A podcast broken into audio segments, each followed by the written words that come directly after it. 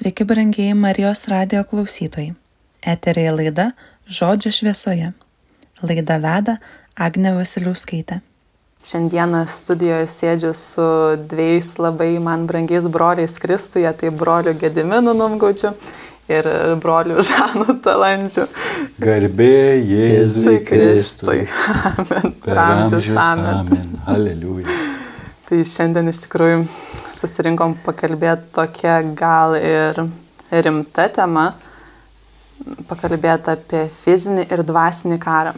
Mes su broliu Gediminu neseniai grįžom iš Ukrainos, Pežanas Ukrainų jau buvo kiek seniau. E, ten mumis buvo priemė krikščioniška gelbimo tarnyba, kuri mums e, aprodė kaip jie veikia, ką jie veikia, kai ėjom kartu su jais į ligoninę pas kareivius, sužeistus be kojų, be rankų, važiavome į buvusius okupuotus miestelius, kur, kur pamatėm, su kokiu žiaurumu susidūrė tie žmonės, kurie buvo rusų okupacijos zonai. Matėm dar daugybę įvairių dalykų, kurie, kurie iš ties yra be galo skaudus, be galo sunku supras, kaip įmanoma, taip kodėl iš viso tai vyksta kaip to žmonės, kurie okupavo, kurie, okupavo kažkurias tai zonas iš viso, kaip juos galime pavadinti žmonėmis. Ir, ir daugybę tokių minčių, bet kartu ir pamatėm tą krikščionių stiprybę ir krikščionių vienybę. Ta bendrą tikslą eiti ir skelbti Evangeliją. Ir ne tik žodžiu, bet ir darbais, kas paliko be galo didelę viltį ir didelį norą ir troškimą ir toliau ir čia Lietuvoje, dar Lietuvoje geras laikas, turim daugybę įvairių galimybių ir nesustoti ir žadi, žadintis patiems ir žadinti kitus, kad nemiegot, kad tarnaut viešpačiai, kad, kad suprast, kad nuo to priklausom žinasis žmogaus gyvenimas, ar jis pažįsta Jėzų ar nepažįsta, ar mes trokštam, kad žmonės pažintų Jėzų. Tai va, šiandieną kažkiek ir pabendrausim tomis temomis. Norėčiau pradėti nuo Gedimino numgaudžio, nes e, Gediminas, vat, tokios dar šviežios mintis pasiko gero. Ir vat, kokią žinę parsivežat iš ten, ką, ką vieš pasidėjo į širdį, būnant dvi savaitės ten buvom.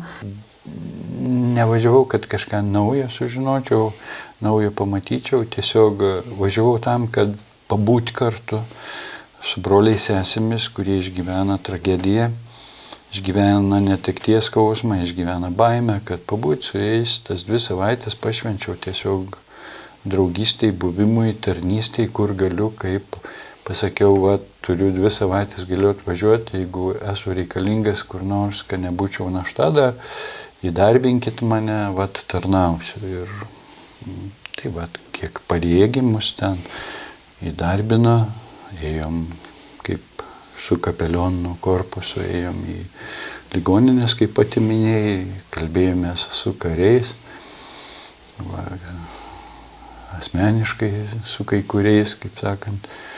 Ir visi matė to skausmo, siaubo, bendražygių netekties, kraujo, suluošinti, sužaloti bet sustebėti nuo entuzijazmo ir humorų, sakyčiau. Vat. Aš e, nejau, kad jų kažkaip ten paguost, kažką pamokyti ar, už, ar ypatingai kažkaip už juos pasimelsti, tiesiog ėjau susipažinti ir pabūti ir, ir buvau nustebintas jų vilties, jų entuzijazmo jėgos. Tai va, tas mane stebina, iš kur pas juos tai yra. Tai irgi man kažkaip, kaip kažkokia Dievo malonė, man tie kariai tokie šviesus, tokie šviesus žmonės, tokie be pykčio, nu, laisvi, tokie kažkaip, va, toks įspūdis susidarė. O iš kitos pusės aš jau seniai mastau ir kalbu ir buvo pas mane tokia sena nuojauta, kad Rusijoje bręsta didelė bėda, didelė tragedija, kad e, nuojauta didelės krikščionių persekiojimo bangos. ir ta nuotaika mano stiprėja, nes aš galvoju, kad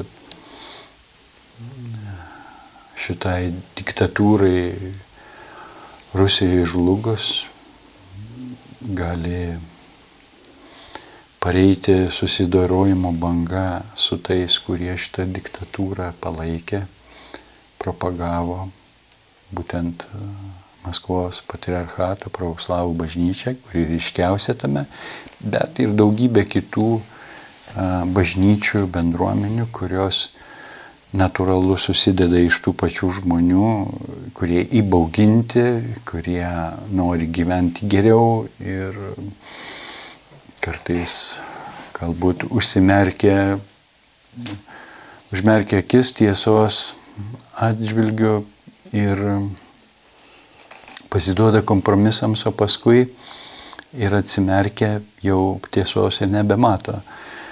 Ir gyvena mele, patikėję tuo melu, save pateisindami tuo melu ir va, darydamiesi kartu mm, bendrininkais nusikaltėlių. Ir va, gali pareiti visiems krikščionėms labai rimtos sąskaitos iš pagonių, kurie kaltins, kad va, bažnyčios palaikė diktatūrą, melą, tylėjo, nevadino dalykų savo vardais, ne, ne, nekvietė tikinčiųjų priešintis tam melui, tai diktatūrai. Va. O žinom, kad kiekviena diktatūra ateina mažais žingsneliais, reikalaudama tolerancijos, o paskui, kai įsigali, tai jau, kaip sakant, tolerancija bet kam baigėsi, viešpatauja diktatūra, melas, prievartas, smurtas ir panašiai. Tai čia ko gero belė kokia ideologija tinka ir jeigu tai ideologija. Nes jeigu krikščionybė tampa irgi ideologija, o ne gyvenimo būdu, tai irgi yra, kaip sakant, istorijoje daug ir klaidų, ir nusikaltimų pridaryta, už kuriuos krikščionis turėtų atgailauti ir ko gero ta atgaila, ta atgaila gali ir pareiti su, su to persekiojimu. Dabar Rusijoje krikščionis galvoja, kad Dievas daro teismą Ukrainai, kad jie vat, gyvena šventoji Rusijoje, o Ukraina tokia pagoniška, ten um, LGBT užvaldyta, nacijų užvaldyta, dar kažkokia vat, tokia prakeikta, tokia visokia ir kad jei va, Dievas dabar daro teismą, bet man atrodo, kad tas teismas vyksta kaip tik Rusijai. Bet teismas vyksta, aišku, ir Ukrainai, ir mums visiems. Ir ne tik tautoms, bet ir kiekvienam iš mūsų asmeniškai, kiek mes pat savo aplinkoje leidžiam melo, kompromisu su, su tiesa ir veidmainystė, ta korupcija tokia, nebūtinai finansinė korupcija, materialinė korupcija, bet kiek yra daug tos e, psichologinės korupcijos, be pagrindo viens kitą gyriant, pataikaujant, liaupsinant, teikiant garbę, kaip sakant, be, be pagrindo, be nusipelnimo, tiesiog norint įtikti, norint kažkokios naudos gauti. Ir čia ko gero viskas prasideda, va, ta tokia neteisybė ir paskui jie įgauna vis naujas formas, auga naujos drakono galvos. Iš tikrųjų, kas man toks buvo gal pokytis, supratime, aš visada galvodavau apie tą pasiruošimą Jėzaus ateimui dvasiniai plotmei. Vyksta nuolatos didžiulės dvasinės, didžiulės dvasinės kovos, kuriuose turi krikščionis atsistoti, atstovėti, kovoties, bet niekad negalvojau apie Jėzaus ateimą, kad iš tikrųjų reikės ir, ir tos fizinės kovos, fiziškai ruoštis. Mes skaitome šventai raštą ir matom, kas vyks prieš Jėzaus ateimą ir jau kažkiek vyksta ir, ir, ir nu, ko gero suprantame, kad kažin ar kažkas bus geriau, aišku, melžiamės taikos, bet, bet suprantam, kad dar ir daugiau ir daugiau tokių dalykų prasidės. Tai vad man toks buvo pokytis, kad ruoštis kartu ir tiems fiziniams dalykams. Ir kaip e, tos krikščioniškos gelbimo tarnybos vadovas Andrijus kalbėjo, e, jų ta krikščioniška gelbėjimo tarnyba jau susikūrė prieš e, po prasidėjus karui Donbase tam pirmajame etape, jo po 2014 metų. Bet jie jau gavo iš Dievo žodį jau prieš tą visą Ukrainą apimantį karą, kad reikia ruoštis dar labiau. Ir jie ruošiasi ir daug kas iš jų juokiasi, niekas netikėjo, tai kaip čia taip gali būti, aišku, kad nebus, bet jie vat, suprato, kad taip gali būti. Ir vat klausimas, o tai vat kaip krikščionės iš tikrųjų mes turim ruoštis ir fiziniais dalykais, ne, ne, ne vien toj dvasiniai plotmėje apsiribot, nueit sukalbėti kažkokias maldas, pasimelst e, naktinės maldas, bet kažkaip ir fiziškai, kaip, kaip jums atrodo, kokia krikščionio pozicija turėtum tame būti? Iš tikrųjų, man kažkaip tai teko džiaugsmas kiekvienas vasaras važiuoti beveik į Ukrainą atostogauti, babą ten turėjau. Tai ypač dabar sumų srity, ten kur viskas mūšiai dideli buvo, tose vietose. Ir turiu keletą draugų iš, iš mesijaninių žydų bendruomenės ir tik karas prasidėjo jau ryte, važiavom su Lina į Kelmę, skambinau draugui, Ir toksai, nu, ugnis, tas adrenalinas toks nepamatuotas ir Lina matyt matė, kad veidas mano net persikeitęs, atsisukus vairuodamas, sako, net nesvajok. ne šiuo metu. tai va, tai kažkaip tai draugui sakau, klausyk, gal išeitų tau atvažiuoti su šeima. Tai va, po kiek laiko jau, kai truputį nurimo keletas mėnesių, tai jinai man sako, nu jeigu, jeigu reikia, jeigu tu matai, kad reikia, tai važiuok. Bet man irgi pirmas, pirmas toksai santykis, kad pabūt su draugu šalia, nes gyvenime turėjau ne vieną tokį atveją, kai nuo vaikystės to multiko kačiukas au, kartu bijot smagiau, drąsiau. Nu, neina bijot tu vis tiek kažkaip ypač vyram, kai mes kartu būdavom ir ten ar žudynės kažkokios vykdavo ar dar kažkas. Vieną kartą buvau dvi paras, man atrodo, toj baimė ir, ir, ir matai, kaip, kaip būt kartu yra drąsiau.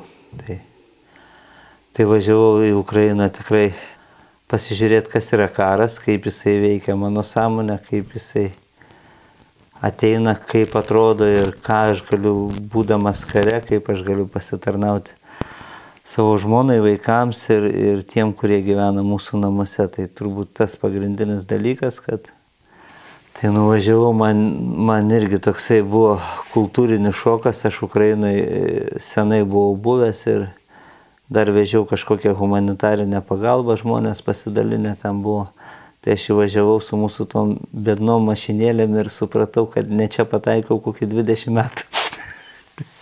kaip jie, kokia turtinga šalis, kokie pasiturintis žmonės, kaip viskas vyksta, greičiai. Ir, ir tokia buvo truputį nevilties banga, kol nesusitikau su žmonėm iš tikrųjų. Susitikęs su žmonėm, ten mes vežėm, dalinom ten, ką buvo surinkę, parapija, man atrodo, kretingos. Bet ten gavau viešpatės tokią paguodą, sutikęs dvi moteris. Mes stovėjom kaime, gana stipriai apdegęs kaimas už Kievo. Prieš, prieš tai mums nuvežė parodė istoriją vieno batiuškos, kuris išėjęs ant kryškelės sustabdė tanketės rusų sako, kurie kryptim Kievą, sako, nerodysim. Sako, žiūrėk, turi mažai laiko.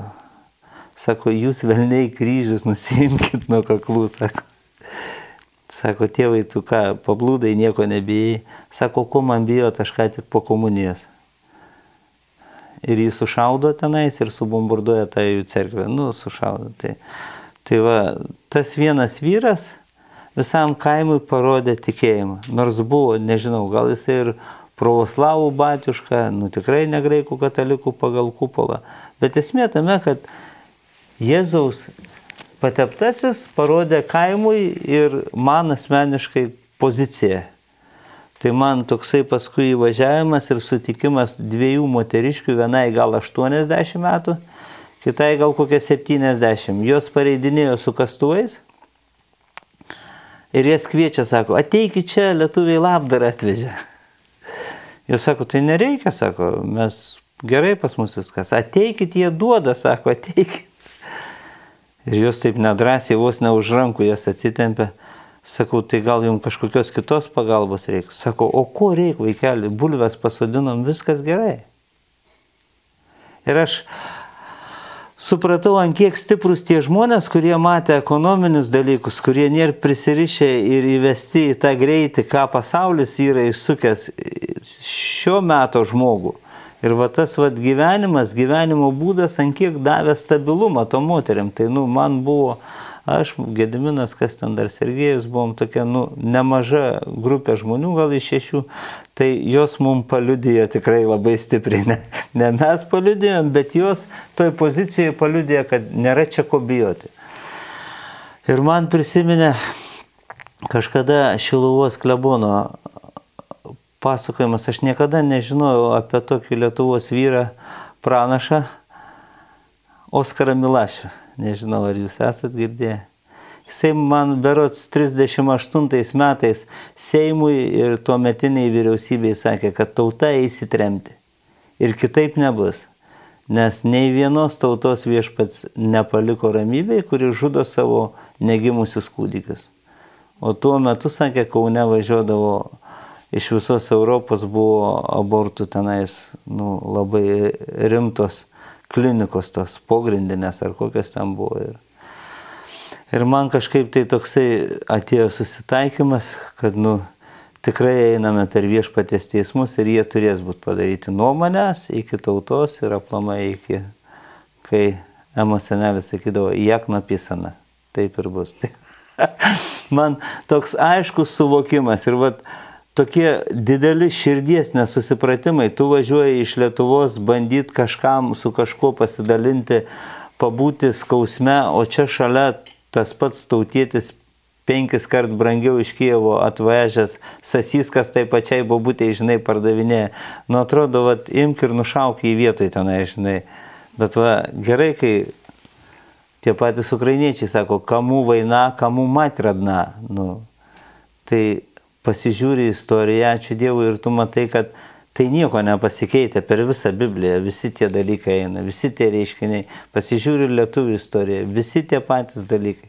Nu, nebuvę atgailos, nepadarytos išvados, krypties nepakeitimas. Ne? Jėzus sako, eik ir nebenusidėk. Ne? Ar tą padariau, ar stengiuosi tą daryti?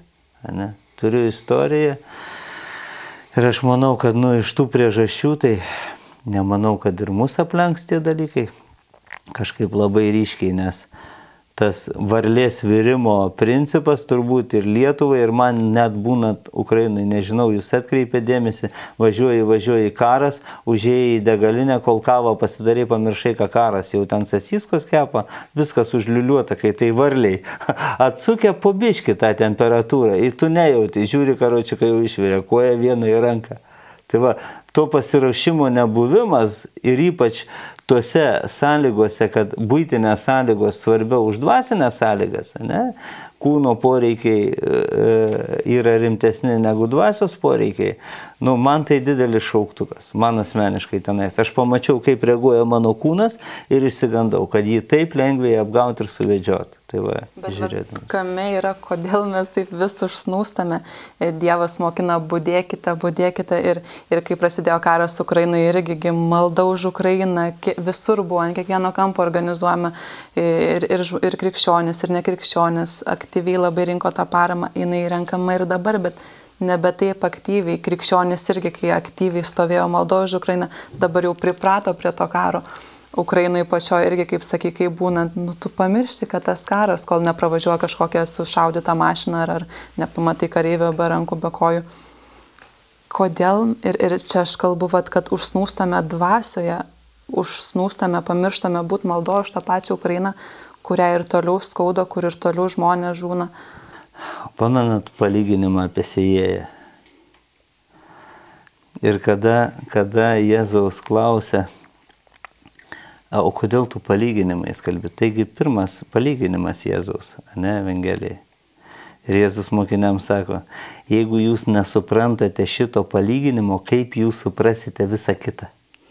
Aš niekada į tą netkreipiau dėmesio. Sako, jeigu jūs nesuprantate šito palyginimo, kaip jūs suprasite visą kitą. Ne, visą kitą Evangeliją. Nu, kokias ten per palyginimus? Nu, dėl grūdų, kaip, kaip grūdai krito, vienas ten, kitas ten, vienas sulėse, ne, ir man kasdieniai rūpešiai, aš, Linai, sakau, žiūrėk, paskutinis, tai net negundimas, o mano nuodėmė, ne, mano nuodėmė, kur aš nusidedu, ką tu įvardinė, ne, nuodėmė savoką, nusidėjau, padėjau, save nudėjau, ne. Tai kur aš nusidėjau, kur aš tėvė šiandien nusidėjau nuo mūsų, ne, pasimatymo, nu, per raštą ar per buvimą su tavim dviese per mūsų intimumą, kur aš nusidėjau, turėjau daryti tą, tą, tą, tą, kas tau tą sakė. Ne, vat kas tau tą sakė, kad tu ten turėjai būti ir tu tą turėjai daryti. Nu tai aplinkybės ar dar kažkas ar šventoji duos. A tikrai, Žanai.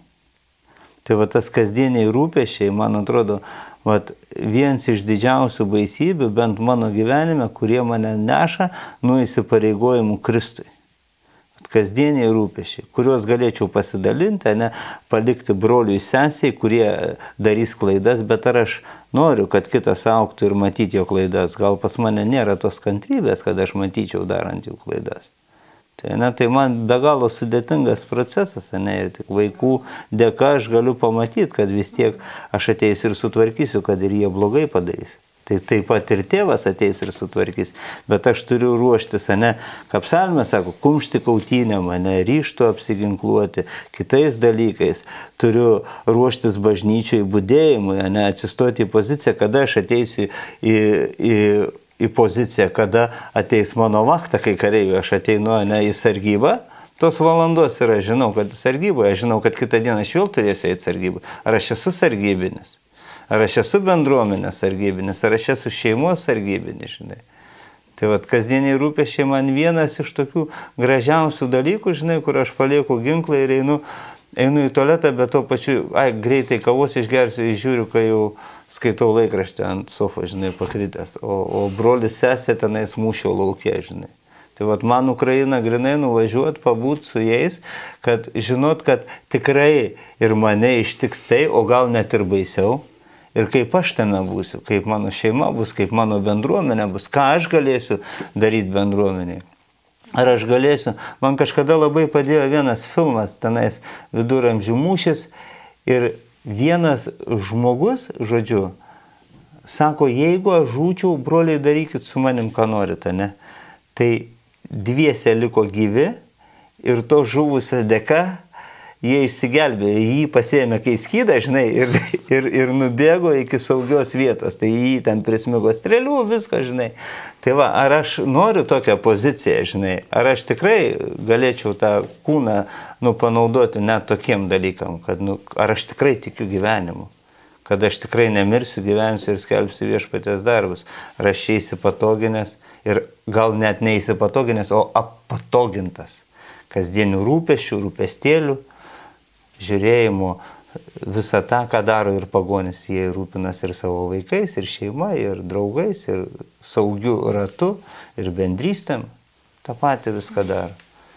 Nu, vat, kaip ukrainiečiai sako dabar, e, katalikai išgelbėjimo tarnyba sako, ei, lietuviai, jūs turite gerą progą dabar mokintis iš praktikos, ne, ne iš teorijos vadovėlių, bet iš praktikos. Atvažiuokit Ukrainą, mokinkitės išgyventi, kaip sakant, karo sąlygom.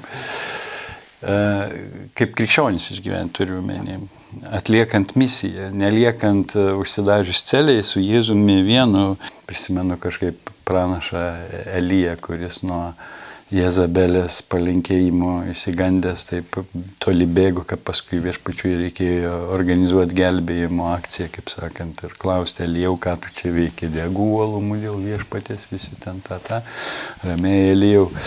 Aš dar pasilaikiau 7000 ištikimų, kurie nesulenkė kelių prieš balą, ne, ir vat, organizavo jam gelbėjimą. Viešpats siunčia varną su duona, siunčia angelą, kad e, sustiprintų, kad, turėt, kad nemirtų nuo bado ir turėtų jėgų sugrįžti į tarnystę. Ne? Tai vad kartais ir, ir mes taip degam tuo uolumu, bet e, viešpaties nepaklausim, kur ir ką tu norėtum daryti. Apriškimo knyga nekalba, kad bus visokių jau sukretimų visokių baisių dalykų. Raiteliai čia visokie joja, žinai, mm, neša nesantaiką. Tai va, jau du raiteliai kaip ir prajojo, mm, parijoja trečias, koks baudas.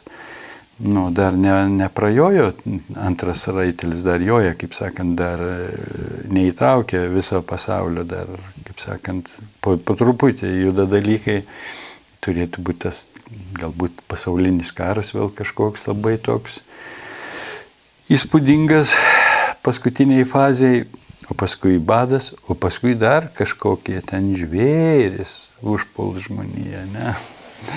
Kai bus nusiaupta žemė ir, ir, ir žmonės sugrįž į urvelius ir be elektros ir pasibaigs pra, parakas sudegęs bus, o žvėriukai su dantukais parei. o po to gal ir Jėzus ateis, ne? Va, bet e, iki to Jėzaus ateimo, to Jėzaus belaukiant, va, kaip a, mes krikščionys, kur ir kaip turim dalyvauti, belaukdami šeimininko namuose žvakutės užsidegi, žiūrėti per langelį, kuris ateis, ar paruošti namus, kad namuose būtų apšiai duonos. O gal jis pareis su didelė kompanija, išalkusių vaikinų, kaip sakant, iš karo ir reikės juos pamaitinti. Ar namai bus paruošti, vat fiziškai, be dvasinių ten super dvasingumų, dvasinių super karų, vat paprasčiausiai, mes pasiruošę dalintis duoną, maitinti, turim galimybę stogą, didelį stalą, daug leikščių, Dievas duos duonos. Ar mes turim lovelių paruošę, kai Jėzus ateis netikėtai su kompanija, e, sužeistų, pabėgusių žmonių, pabėgusių iš Rusijos, pavyzdžiui ane, kurie išbadėja, kuriems nebėra ko prarasti, šaudykit, gaudykit, ką norite, jis per, lips per tvoras ir niekas nesustabdys. Kaip mes juos priimsim, kaip žvėris ar kaip Dievo vaikus ir e, ar pamaitinsim Dievo vaikus, kurie nu, žudė, pritarė žudimui panašiai, o, o dabar ateis pas mus kaip Elgetus. Nu, aš fantazuoju, bet visko gali būti visokių scenarijų, ne?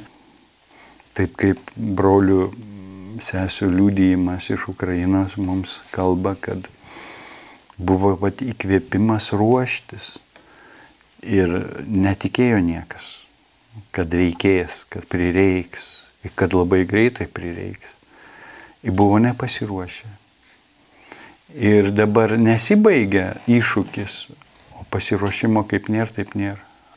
Tai va man ta mintis, kad kažkaip jų patirtis, ta, man labai įsirėžė, įsirėžė tokia mintis, žinai, kad va, nu, dvasio žmogus, maldo žmogus, bendruomenės vadovas, daug metų buvęs, va, įkūręs tą gelbėjimo tarnybą, e, tikrai į kurią kurioje prisijungė daugybė žmonių iš įvairių bažnyčių. Ir jis kalbėjo dar prieš vasario mėnesį, kaip sakant, prieitai, už prieitais metais, kad reikia pirkti palapines, generatorius, e, būti pasiruošusiems maitinti žmonės, kai nebus elektros, kai nebus šviesos, kai nebus šilumos, priglausti ir kad Dievas duos puikią progą paliūdyti tikėjimą Evangeliją, kaip sakant, jeigu krikščionis vat, bus pasiruošę ir tarnaus e, tokiu būdu. Ir Andrėjus sako, niekas netikėjo, numojo ranką, čia nekvaršink galvos. Ir sako, važiuoju, vat, pritais metais rudenį, kai tas mm, elektros deficitas buvo, kai tas elektrinės bombino. Sako, važiuoju per Kievą, rūką šaltą, lapkričio mėnuo, tamsu visur mieste, niekada nesitikėjau gyvenime, kad tokį Kievą pamatysiu, ne? Ir kažkur stovi palapinės, prie tų palapinių dega bačkose malkos, šildosi paaugliai, valgo kažkokius sumuštinius, kažkas dalina va tos pagalbos, žinai, valdiškos tos palapinės, dalina maistą. Jis visą tą viziją turėjo prieš karą, viešpats jam parodė, bet niekas jo nepatikėjo. Tai vad man klausimas, vad dvasinė kova mums kažkada kažkaip, kur ta dvasinė kova vyksta? Mūsų emocijose, mūsų jausmuose, žinai, dar kažkur. Ir mes užsiknisat viduje, ne su savo demoniukais ten, vaikom tuos dvasiukus iš kampo į kampą, o jie, kaip sakant, sužvėrėja, kaip žiūrkis, puola į akis mums drasko. Va, neturim ramybės, ir, ir jie mūsų nepaleidžia nuo tų e, Dievo, kad pamatytume Dievo reikalus, ne? Kad viešpats duoda kažkokius vaizdus, apreiškimus ir kad ruoškitės tam mano sūnus, ne? bet bus tokie dalykai. Kaip jūs toj situacijoje, abu pasiruošę liūdyti, skelbti Evangeliją. Gerai, ten kapucinai atsivėrė, jie e, turėjo patalpą pas. Ne? Jeigu tų požymių jie nebūtų iškasę, tų salių, tų ofisų, tų klasių vaikams mokyti nebūtų įrengę. Kur būtų to kvartalo žmonės slėpėsi nuo bombų? Dabar to kvartalo žmonės subėgo pas kapucinus. Ateistai, pagonys, ortodoksai, protestantai, visi keletą šimtų žmonių tuose požemiuose gyveno savaitėmis, neišlyzdami, žinai, dėl tų pavojų. Dėl tų sirenų ir susidraugavo ir kartu meldėsi. Ir buvo proga kapucinams broliams ir tai pačiai Maranata bendruomeniai, tai parapijai paliūdyti vat meilę, paliūdyti tėvo globą, rūpestį, jis pasirūpino jais. Kapucinai padarė tas sales, žinai, kur galėjai žmonės pasislėpti. Ir ten viskas, ir vanduo, ir tualetai, ir virtuvės, ir jie ten sakant, patogiau gyveno negu kokiuose nors valdiškuose namuose, supelyjusiuose kokiuose nors sklepuose su bulvėmis, žinai. Tai bet ir, sako, aš važiuoju per Kievą ir verkiu, vat galėjom mes įsigyti palapinių, galėjom mes įsigyti generatorių, galėjom mes pasiruošti ir išeiti parapiją, kaip sakant, pastatyti palapines, kviesti žmonės sušilti, pamaitinti panašiai. Aišku, kapucinai kažką ten darė toj savo bažnyčiai, bet vat Kieve mieste būtų puikiai proga buvę toms misijoms. Ar Dievas to norėjo, nenorėjo, ko gero buvo duotas šansas, kurio galbūt nepasinaudojo, ne? kažkas krikščionis, katalikai, protestantai, kažkas pasinaudojo, kažkas ne. Tai va, kažkas e, gavo daug paramos iš, iš užsienio, ne? Ir užsispaudė savo bendruomeniai tik tais e, su dideliu perteklium, užuot skubėję pasidalinti su visais netikinčiais, kad jiems paliūdyti Dievo meilę ir tėvišką globą. Tai va, kaip ta dvasinė kova veikia va, tam tokiam visai žmogiškai, žmogiškų poreikių plane. Man atrodo, kad didžiausios kovos vyksta virtuvėse ir sal, salionuose ir mėgamuosiuose. Aš prieš porą metų irgi už, užkliuvau už labai, kažkaip galvojau, tu kai kalbėdavai apie atgailą, kai pradėjai kalbėti apie tautos atgailą, apie visuomenės atgailą, apie asmeninę atgailą, Ir galvoju, va Dieve, nu parodyk man, kaip aš turiu eiti į atgailą, žinai, va, nu asmeniškai aš, asmeniškai aš, kad galėčiau paskui su broliu sesė dalintis ir kartu gal daryti atgailą, kaip bendruomenė, kaip šeima. Tai man visada atsiversdavo ta vieta Izaijo, atsimeni, kad nu, didžiausia atgaila, ne, priglaust vargšą, pasidalinti duoną, rūbų, pastogę, kad nu, tai yra tikroji atgaila, nereikia man tavo ten žanai tų labai ilgų tų maldų gražių, kvepiančių smilkalų parvežtų iš, iš šiltų kraštų, žinai, bet kaip tu su kaimynu, kaip tu žiūri tą, kuris ateina, tai dar ir šyrit kažkaip su Lina šnekėjom gal į tą temą, kad jeigu ne mūsų užstrigusios duris, žinai, kažkas lyg viešpas būtų degtukų prikišęs, kad neužsirakintų ir kad vieni ateina, kiti išeina, būtų mums vargelių vargelis su savo bėdom, su savo reikalais. O kai ateina labiau pavargęs žmogus, tu negali pasakyti, kad turi reikalų, nes ir didesnių reikalų, supranti. Tai man atrodo tikrai tas šablonas nuo Izaijo laikų nesikeičia ir tai viena iš didžiausių malonių, ką galim šiandien treniruotis Lietuvoje ir kai tu sakai, važiuoti dar ir pas brolius sesės pasitarnauti tame. Nu, kad viskas tas ir pas mūsų vyksta, mesgi irgi turime visą tą dar didesnę ubagystę negu prie smetonos, ne šiandieną socialinės žirklės. Tai gal mes to nejaučiam, kad nėra tokio realaus bado, bet yra baisiau negu badas, nes Saliamonas rašo, laikas brangiau už auksą, ne? kiek mes turime viens kitam laiko, su toktiniu, su toktiniam vaikam, bendruomenėje, ne? ir tai yra tokia vagystė, toks apvogimas, kad mes negalim susikurti, ne, net šeimų ir padaryti strategijos, į ką einame, ne? nekalbant apie bendruomenę, kokią mes toliau strategiją įimam.